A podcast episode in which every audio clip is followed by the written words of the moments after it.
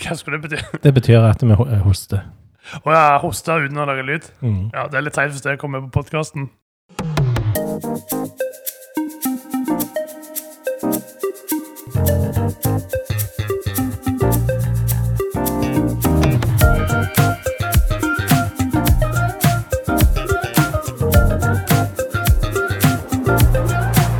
Og da sitter jeg her med ei mandarin i hånda, så slettes ikke ei mandarin, men eh, Morten retter på meg som regel og sier klementin. For det er jo ei klementin. Her skal rett være rett, og fakta skal være på plass. Ja, men hører ikke du på språkprogrammer på radioen? Jo da. Da sier liksom alle disse språkprofessorene sånn at det, ja, språket forandrer seg. Men da er de deskriptive. Jeg er normativ i min språkvitenskap. Ja, jeg eh, har en eh, hang til å være det, jeg òg. For, eh, for meg er eh, Stavanger, Vaulen, 1984 Det er liksom det optimale språket i mitt hode.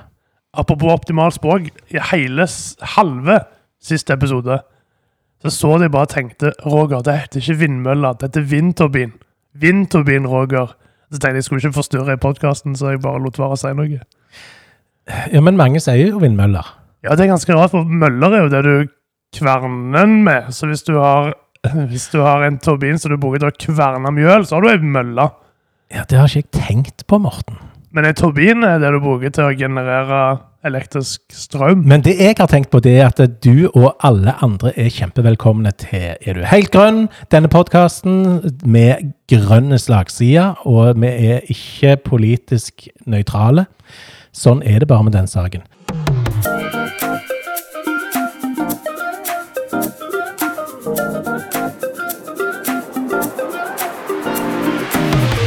Ser at du er opptatt, Morten. Ja, Hva er du opptatt av? jeg er opptatt av MDG for tida. Fortell litt om det. Ja, nå hadde vi jo årsmøte for eh, ca. to uker siden. Ja. Og vi ble med videre i styret begge to. Juhu! og så- og så ble vi enige om at ja, nå nærmer det seg valglista. Så eh, innen utgangen av mars så har vi levert inn nye valglista for MDG for neste periode. Det betyr at vi har tro på at vi skal øh, gjøre noe her i Hjelmeland videre. Vi har vært i posisjon i Hjelmeland i fire år nå. Og vi har, det har ikke vært vanskelig å få med seg folk på en ny liste. Det syns jeg er kjekt. Det fins noen ganske bra folk her, altså. Ja. Så eh, nei, vi, vi har rett og slett uh, klar liste med lenge før fristen til å levere den går ut. Herlig. Da kan vi sove godt på natt. Og, Ja. Ja, ja, sove og sove. Det neste nå blir jo å begynne å lage et valgprogram. Sånn at de som er med på lista, faktisk eh, er enige om hva MDG skal jobbe for de neste fire åra. ja. Du skal ikke sove i gresset. Jo, det kan du godt gjøre. Ja. Ja, Gjerne vente til sommeren da det er varmt nok i lufta. ja. Men eh, du, Roger, da, hva er du opptatt av? Nå skal jeg fortelle litt om jobb. Ja. Jeg er i gang sammen med ei uh, kjekke dame fra Strand barnevernstjeneste. Med et kurs. Et FEB-kurs. Feb. FEB. Feb. Feb. Dere har så mange forkortelser i barnevernet. Det er bare forkortelser. Sånn bokstavgreier. Gidder du du forklare Feb? Foreldre etter brudd. Ja, selvsagt. Det er ikke alltid enkelt for foreldre når de går fra hverandre, å forholde seg til hverandre. Noen kommer greit ut av det og snakker greit sammen, men så er det enkelte ganger det blir ganske høy konflikt. Mhm. Og det vi vet noe om fra forskning, er at når det er høy konflikt mellom foreldre, så går det ut over ungene uavhengig av om de hører på krangling eller ei. Derfor så, eh, så har vi noe som heter Foreldre etter brudd-kurs, så er meint å være en hjelp til å finne ut av hvordan skal vi forholde oss til hverandre. Vi har tross alt unger, og vi må forholde oss til hverandre i en del år framover. Hvordan skal vi gjøre det på en ryddig og god måte, sånn at det, våre uoverensstemmelser ikke går ut over ungene? Det høres jo egentlig ut til å være et veldig fornuftig opplegg. Ja, og så er det, det, det er dikta opp i Sandnes av eh, to damer som eh, har delt dette videre, og vi har vært på kurs der. Og de har lagd det ganske genialt. Det begynner med at eh, vi har grupper. Og så er ikke de foreldrene som er i konflikt, de er ikke i samme gruppa.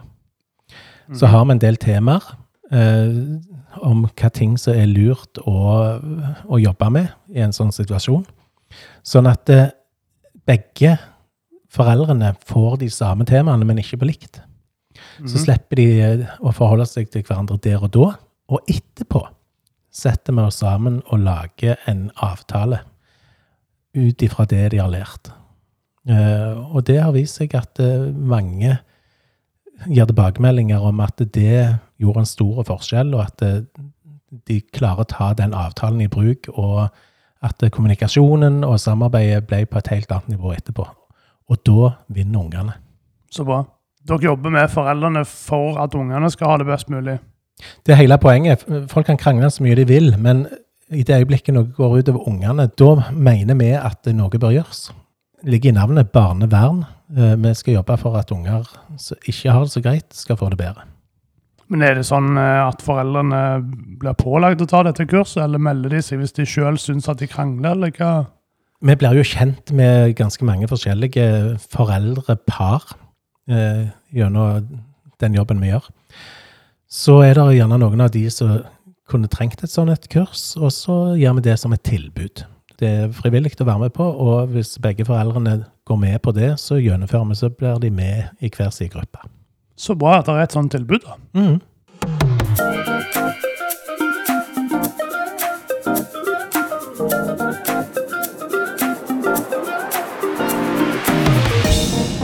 Aktuelt tema. Morten, vær så god. Heilskapelig innsatstrapp 2023 og mulighetsstudier regionalt kompetansesenter eller interkommunalt samarbeid om tjenester for personer med demens. Ja, ikke løgn, måtte trekke pusten. Hva er dette? Hvis vi spoler litt tilbake, så fikk vi i eh, kommunestyremøtet i februar, det er jo faktisk en måned siden nå, så fikk vi en eh, presentasjon fra Agenda Kaupang. Hva, hva er Agenda Kaupang? Det er et konsulentfirma som jobber mye med, med ledelse og administrasjon og liksom ser på hvordan ting blir drevet, og hvordan ting kan bli drevet bedre. Ok, ja. Så bestillingen fra Hjelmeland kommune var jo Går det an å lage et interkommunalt samarbeid om, om et demenssenter, f.eks.? Eh, vi vet jo at det er en avdeling i Årdal, eh, på omsorgssenteret i Årdal som er veldig god på demensomsorg. Mm. Og så var tanken da om, om en kan tilby disse plassene som et regionalt kompetansesenter innenfor demens. Selge tjenester til nabokommuner. da. Mm. Ja. For, for eksempel hvis Strand eller Suldal eller Stavanger eller Sandnes, nabokommunene våre, trenger den type tjenester, så er vi veldig gode på demensomsorg i Hjelmeland. Ja. Kan flere ha nytten av det, og så kan vi få litt inntekter på det. Mm. Så Det var bestillingen. Og hva ble eh, svaret på den? Ikke akkurat det samme som vi bestilte. Å nei. Nei, for de har gått veldig grundig gjennom drifta i Hjelmeland kommune og ser at her er det mye å jobbe med framover. Oi, har vi bomma litt? Vi har eh, bomma ikke så rent lite. For det vi har store demografiske utfordringer i Hjelmeland eh, allerede fra i dag av. Vi har et folketall som fortsatt er under 3000 innbyggere. Mm. Og med, sånn som det er framskrevet framover, så vil vi få færre barn og unge. Færre unge som er yrkesaktive. Og stabilt antall eldre yrkesaktive. Det er utviklinga. Ja, og de skal ta vare på flere unge eldre og eldre eldre, hvis det gir mening. Ja. Enda flere vil bli gamle. Og så er det enda færre unge voksne som skal f.eks. var sykepleiere. Og der er færre voksne som jobber og genererer skatteinntekter. Og der er færre barn og unge som etter hvert skal ta over og bli sykepleiere og ja, har alt slags tjenester som kommunen trenger, egentlig. Ja, så vi kan bare legge ned da, egentlig. Nei, nei, nei, nei. Det, handler jo ikke om å legge ned, men her har vi jo fått noen tilbakemeldinger fra noen som har gått oss ned i saumene Ja. Og sier at nå Hjelmeland er dere nødt for å gjøre noe. Ta på alvor det som er i ferd med å skje. Ja, Ja. For vi vet hva som er i ferd med å skje, men så har vi gjerne ikke tatt tilstrekkelig høyde for det. Mm. Eh, Så for eksempel, da, så, så anslår eh, SSB, Statistisk sentralbyrå, er litt mer pessimist enn Hjelmeland kommune. De anslår at folketallet vårt vil ligge sånn stabilt fram til 2050, og gjerne, hvis det skal gå noen vei, så går det nedover. Mm. men at fordi folk lever lenger, så vil vi få en dobling på bare 25 år. vil vi få en dobling i antall personer med demens. Oi. Ja, så I 2021 så var det eh, anslått rundt 60 demente i Hjelmeland. Ja. demens er jo en sykdom som, som Noe som er veldig krevende å jobbe med. Mm. Det er gjerne personer som ikke klarer å ta vare på seg sjøl. De eh, kan utagere, eh, trenger masse omsorg. Så der trengs det både mye økonomi og kompetanse og mm. mannskap og Ja. Og så vet vi at eh, det sannsynligvis blir en dobling de neste 25 åra. Fordi folk lever lenger. Jo eldre de blir, jo større fare for å utvikle demens. Mm. Så det er jo ikke Det er jo ikke at de unge nødvendigvis får mye mer demensdiagnoser, men at det, folk lever lenger. Ja, sånn at det, På en måte er det jo et godt tegn at uh, vi overlever andre ting, og dermed så blir vi gamle nok til å bli demente. Ja, ja, og det, det gir jo en del utfordringer når det er færre som kan jobbe med å gi den omsorgen. Ja. Hva sier de om dette, da? Ja, da kan vi spole litt tilbake igjen til det som jeg begynte å snakke om. Det var den nærende heilskapelig innsatstrapp. Det er noe som kommer fra en, fra en NOU, altså en uh, offentlig utredning, som heter Tid for handling, Mhm. som kom, eh, som kom, kommende år. det være ganske nye. Og da, da ser de eh, på hvordan vi bruker personell i en bærekraftig helse- og omsorgstjeneste. Ja. Du husker gjerne tilbake at hun helseminister Ingvild Kjerkol uttalte noe om at vi gjerne måtte ta mer vare på oss sjøl framover. Det vil ikke være nok offentlig ansatte til å ta vare på alle som blir gamle og syke. Så ok, det er ting vi må faktisk ordne sjøl. Ja, legge til rette for at folk klarer seg lenger i egen bolig før de må, Mm. må på hjem. Nettopp. Og, og det er jo det denne innsatstrappa handler om. Altså, eh, Agenda Køpang, som vi har lekt inn til å se på om vi skal drive demensomsorg for andre kommuner, Mm. de har videreutvikla noe som de kaller ei omsorgstrapp Det å bli ei sånn innsatstrapp i tolv trinn. Og Da er tanken at eh, de trinnene de beskriver på en måte hvor mye kommunen må gripe inn i livet ditt for at du skal kunne fungere og ha et greit liv. Ja. Ifra én, altså nederst i troppa, opp til tolv, som er at du trenger å bo på en institusjon og bli passa på døgnet rundt Mm. så har kommunen grepet ganske langt inn i livet ditt. Ja. Men i helt motsatt ende av troppa, i bunnen av troppa, der er det jo bare at kommunen har lagt til rette for at du skal trives i lokalsamfunnet her. Så jeg er i bunnen av tropp, trapp Nå sa jeg troppa, jeg. Troppa. bånn av trappa nå. Du er i ferd med å bli hjelmlastbu. Det er fare for det. Nei, du er sannsynligvis lenger oppe i troppa. Ja, Så det er ting kommunen gjør som påvirker meg. Underveis i livet vårt Ja. så er du en eller annen plass i den troppa Mm. der kommunen i større eller mindre grad bidrar til ditt liv. Ja. Så for eksempel helt i bånn så handler det om attraktive og aktive lokalsamfunn. At du skal komme deg ut på tur og ha en god folkehelse. Du, du trives med ting du gjør, og du har det godt med deg sjøl. Og, og det er liksom helt basis på hva en kommune egentlig driver med. Mm. Og ett nivå over så handler det mer om helsefremmende og forebyggende aktivitet. Når du er ansatt i kommunen, så sender folkehelsekoordinatoren ut et skriv der du skal føre opp hvor mange ganger du har trent den siste måneden. Skal kan gjøre det. Du må Kan. jo. Ja. Jeg har fått de der. Ja. kan du velge det, sant? og så føre opp et skjema og få en premie fordi at du har vært i aktivitet. Mm. Da prøver de å påvirke Ja. at jeg trener mer. Da går de litt mer inn i livet ditt enn at det bare merker en turstid der du sjøl velger å gå tur. Mm.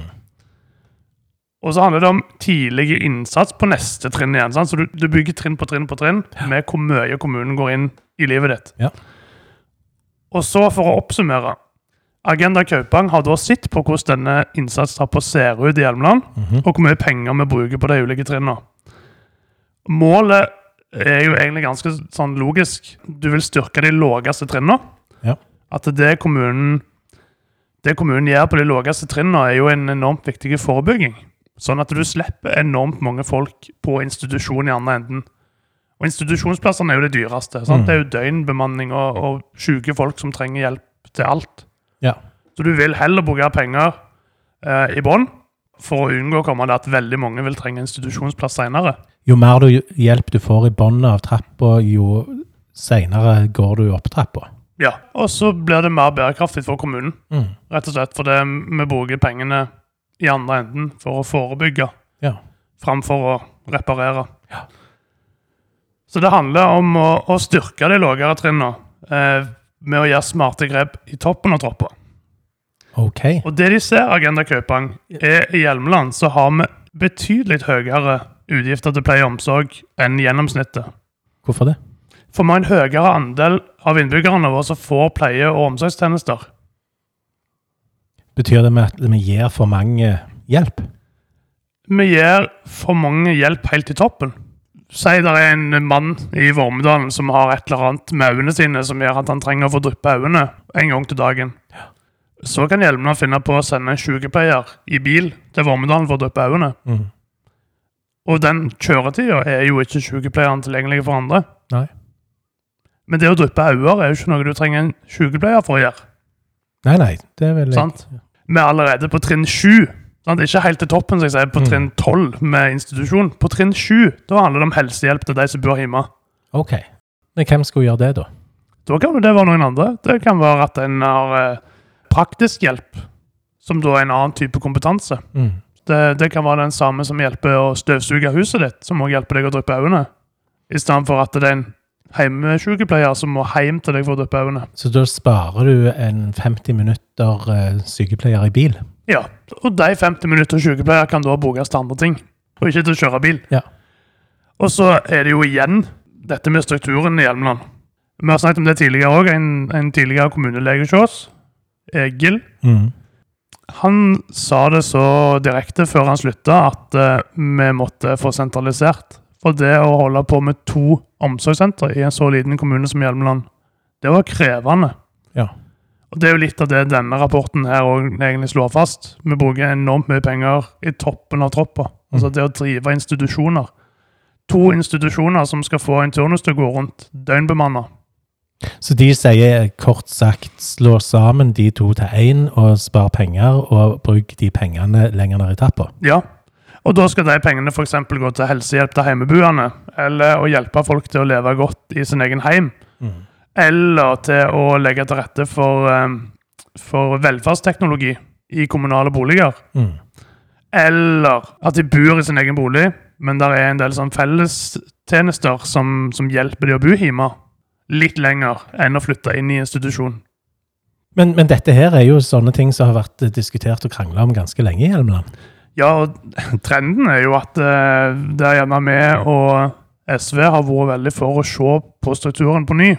Både når det gjelder skole, og når det gjelder eldreomsorg. Mm. Så har det liksom ikke vært et flertall i kommunestyret for å se på det. Og nå kom Agenda Kaupang og rista litt i dette her. Vi har en del utfordringer som vi er nødt til å gjøre noe med. Og nå vet vi om de så lenge før at vi har jo faktisk tid til å gjøre noe med det. Mm. Så håper jeg bare at de andre politikerne i kommunestyret òg er med på å gjøre noe med det.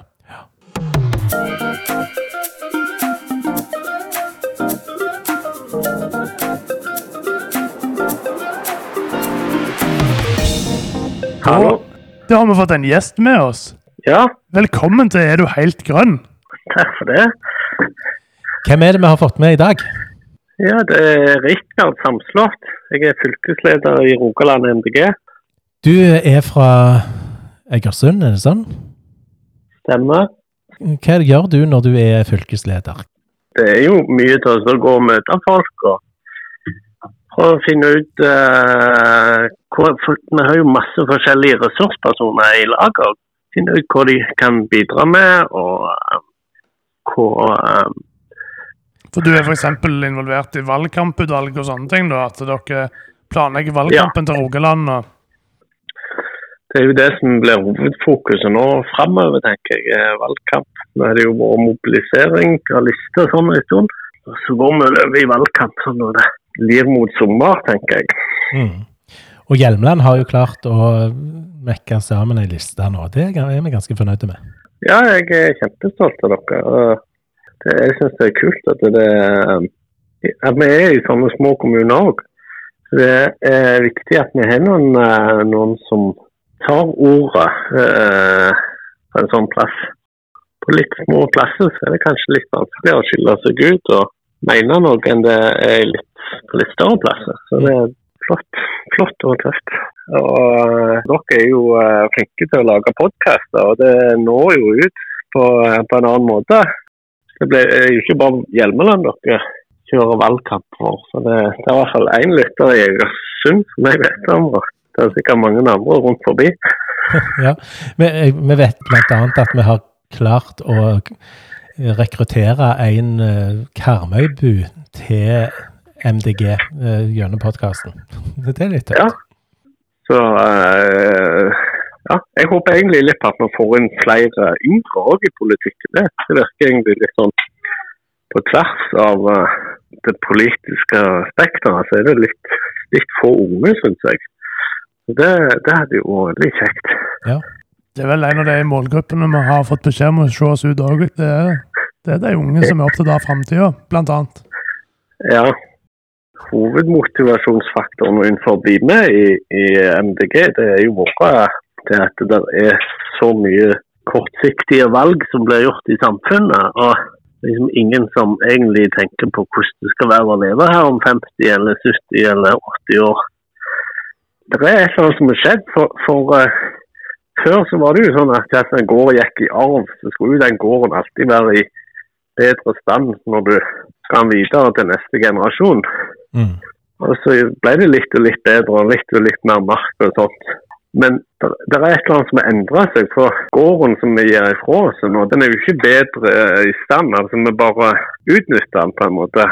Det er kanskje mer penger på bok, men vi har ikke mer matjord vi har ikke mer natur og sånt. Og det er veldig, veldig få ting som egentlig klarer å si, holde forbruket vårt innenfor et bærekraftig nivå.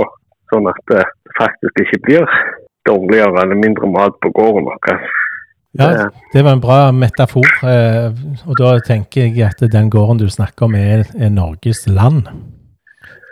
Ja, ja, eller egentlig hele jorda sånn Mm. sett. Men ja, Norge for så vidt. Litt, litt sånn store bilder, ikke sant. At vi bruker opp ting. Selv om en ikke bryr seg om klimaforandringer, så olje og gass er jo ressurser som går tom til slutt. Mm. Det er veldig dumt å basere seg på det. Eh, Samme gjelder metaller og sånt. som ikke klarer å resirkulere metallene, så er det, det er en god del metaller som ikke der er altfor mye av. Og, og hva skjer liksom med samfunnet når vi begynner å få knapphet på det, eller på fosfat som vi bruker til gjødsel, Mm. som halvparten av matjorda i verden blir gjødsla med. Ja, for det, det er jo noen som har drevet og regnet på hva, hva tid er det vi har brukt opp jorda sine ressurser, og nå husker ikke jeg hva dato det er nå. Um, Ja, jeg tror For Norges del så tror jeg det er i april. I april, ja. Ja, Det er sikkert litt senere på resten av verden, men Det er ganske Ja. utrolig, eh, for vi kan jo ikke holde på sånn eh, i all evighet. Da, da går det ned, nedenom hjem. Nei, nei, nei. Nei det, det gir seg i en ende på et vis. Så. Men den enden kan jo være Kan vi prøve å få til å bli greiest mulig. Hva er du mest opptatt av at vi skal gjøre for for å snu det? Hvis vi ser bakover i tid, så ble det gjort store strukturelle endringer på sosial rettferdighet. Eh, når en fikk eh, trygdeordninger og alle mulige sånne ting. Og det førte jo med seg masse positivt. Mm. En eh, fikk på en måte løfta mange grupper ut av fattigdom, men så fikk en òg en produktivitet i samfunnet som økte og en skapte velstand med å gjøre samfunnet tryggere. Mm. Og Det er sånne typer litt større reformer jeg tror vi må ha på, på det med bærekraft òg. At det, det minst skadelige alternativet må være det billigste og enkleste å gjøre. Mm. Og òg egentlig når det kommer til f.eks. matjord eller natur, som i dag er, er på en måte bare sånn Du har en by og matjord ut forbi, så er det jo veldig attraktivt å bare ta litt til et boligfelt og litt og litt og litt. Og så forsvinner jo masse matjord til slutt. Mm. Og, og det er fordi at matjord, selv om man er verna i dag, så har den liksom ikke noen sånn egen verdi. Den er ikke, det er ikke en kostnad som en utbygger må betale for at nå tok du bygde ned matjord, og der kan det aldri dyrkes noe mat igjen. Så Det burde jo burde jo ikke være sånn. For at du, du tar jo vekk noe fra samfunnet som noe som en kan bruke for all, all framtid. Mm. Når du er fylkesleder, så treffer du jo masse folk rundt omkring som er engasjert i MDG. Hva skjer rundt i fylket av denne type ting? Hva, hva jobber folk med? Eh, I Stavanger så jobber de jo aktivt med klima. Eh, Stavanger kommune eller politikerne har jo vedtatt et mål om 80 kutt til 2030, tror jeg det. Men, og de følger det faktisk opp. og Det er jo mange plasser der en bare sier OK, vi skal ha 60-70-80% Og så blir det liksom ikke fulgt opp. Så de har lagd en, en, stor plan, massevis av tiltak, og satt av penger til det. Uh, så, så, det oppfatter jeg er på en måte store saker der. Og så er det òg mye på byutvikling og mm. lage grønne, koselige områder som folk kan Altså i nabolagene, så kan uh, ja, som er mer tilrettelagte for mennesker enn for biler. da. Ja, for grønn um, politikk handler jo ikke bare om de store tingene, det handler òg om det lokale og nære. Ja, det tror jeg er en sånn ting som veldig få har fått med seg. For grønn politikk handler jo vel så mye om livskvalitet, gjerne, som det å ta vare på livsgrunnlaget. Men at vi skal ha mer tid til familie og hverandre, og vi skal kunne leve gode liv uten stress og, og jag. Og, mm. Ja, og det tror jeg eh, kan være eh, en god eh, setning å ta med oss videre. Vi er veldig glad for at du ville være med og si litt her på podkasten her i Lille Hjelmeland. Jeg syns det er kult å høre på podkasten deres. Jeg, jeg, er stolt av å få være med. Ja, men så bra. Mm. Så får du ha en, en fin helg. Ja, takk for det. Du må ha en fin helg, begge to. Takk for det, du. Takk, takk. Ja, ha det bra. Ha det godt.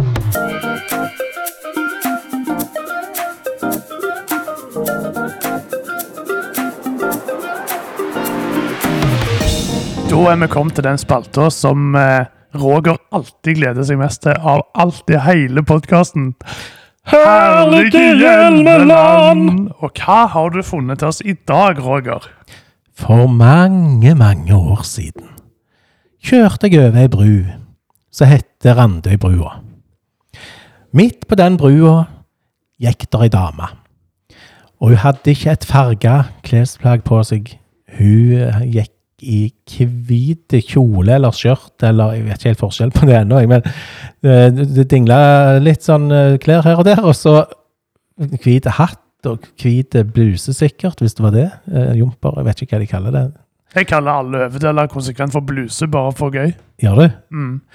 Ja, Grunnen til at jeg ikke visste forskjell på kjole og skjørt, er at lenge, lenge, trodde jeg at skjørt det er sånn så kort, og kjole er sånn så langt. Men det, kona mi lærte meg noe annet.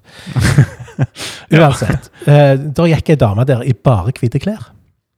Så lærte jeg etter hvert å kjenne henne. Det var ei dame som da hadde flytta til Randøy, og bodde i et hus der.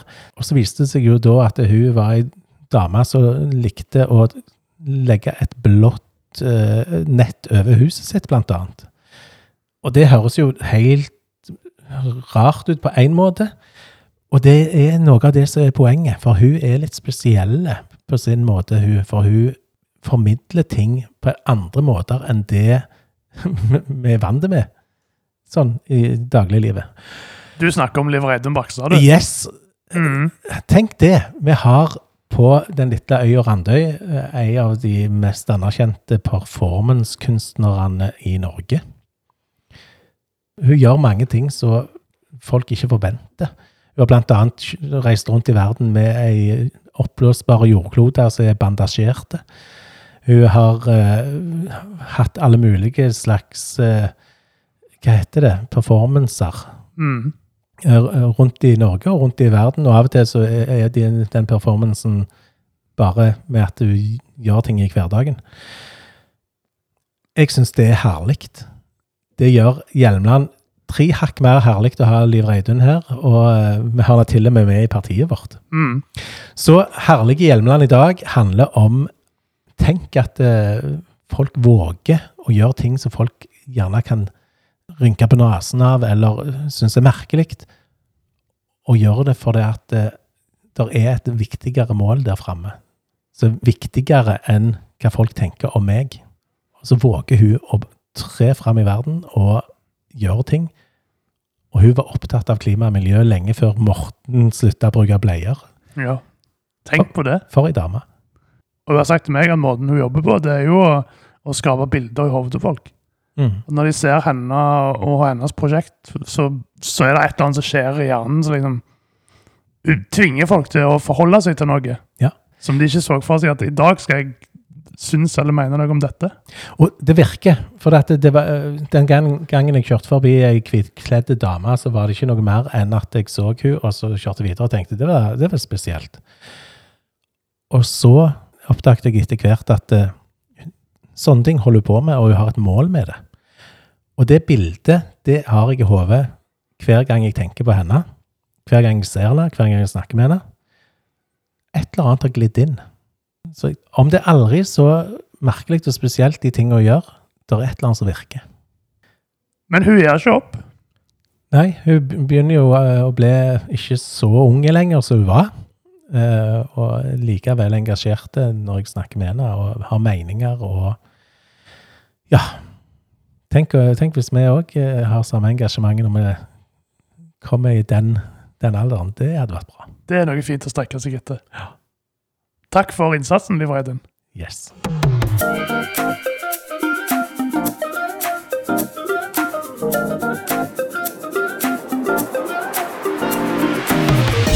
Og som vanlig har vi lyst til å avslutte podkasten med å takke deg, kjære lytter, for at du har lyst til å høre helt til endes. Det er litt imponerende. For vi ja, Jeg vet jo ikke hvor interessant det er for deg å høre på dette, her, men nå, når du hører det vi sier nå, så betyr det jo at du har holdt ut. Bra jobba. Og nå må du bare holde ut i to uker til neste episode kommer. Og det gleder jeg meg til. Vi setter som vanlig pris på tilbakemeldinger hvis det er noe du har lyst til å si til oss, eller det er et tema du brenner for som du har lyst til at vi skal snakke om i podkasten. Mm. Så får du tak i meg og Roger på en eller annen måte. Enten en SMS eller postkort snakket vi om. eh, E-post tror jeg òg vi er på. Ja, runer på en pinne. Hvordan du vil. Det hadde, det hadde vært artig å få runer på en pinne til neste gang. Ja, med tilbakemeldinger om hva vi kan snakke om, eller om det som vi har snakket om, eller eh, det som eh, vi ikke bør snakke om òg. Det er òg lov å mene noe om.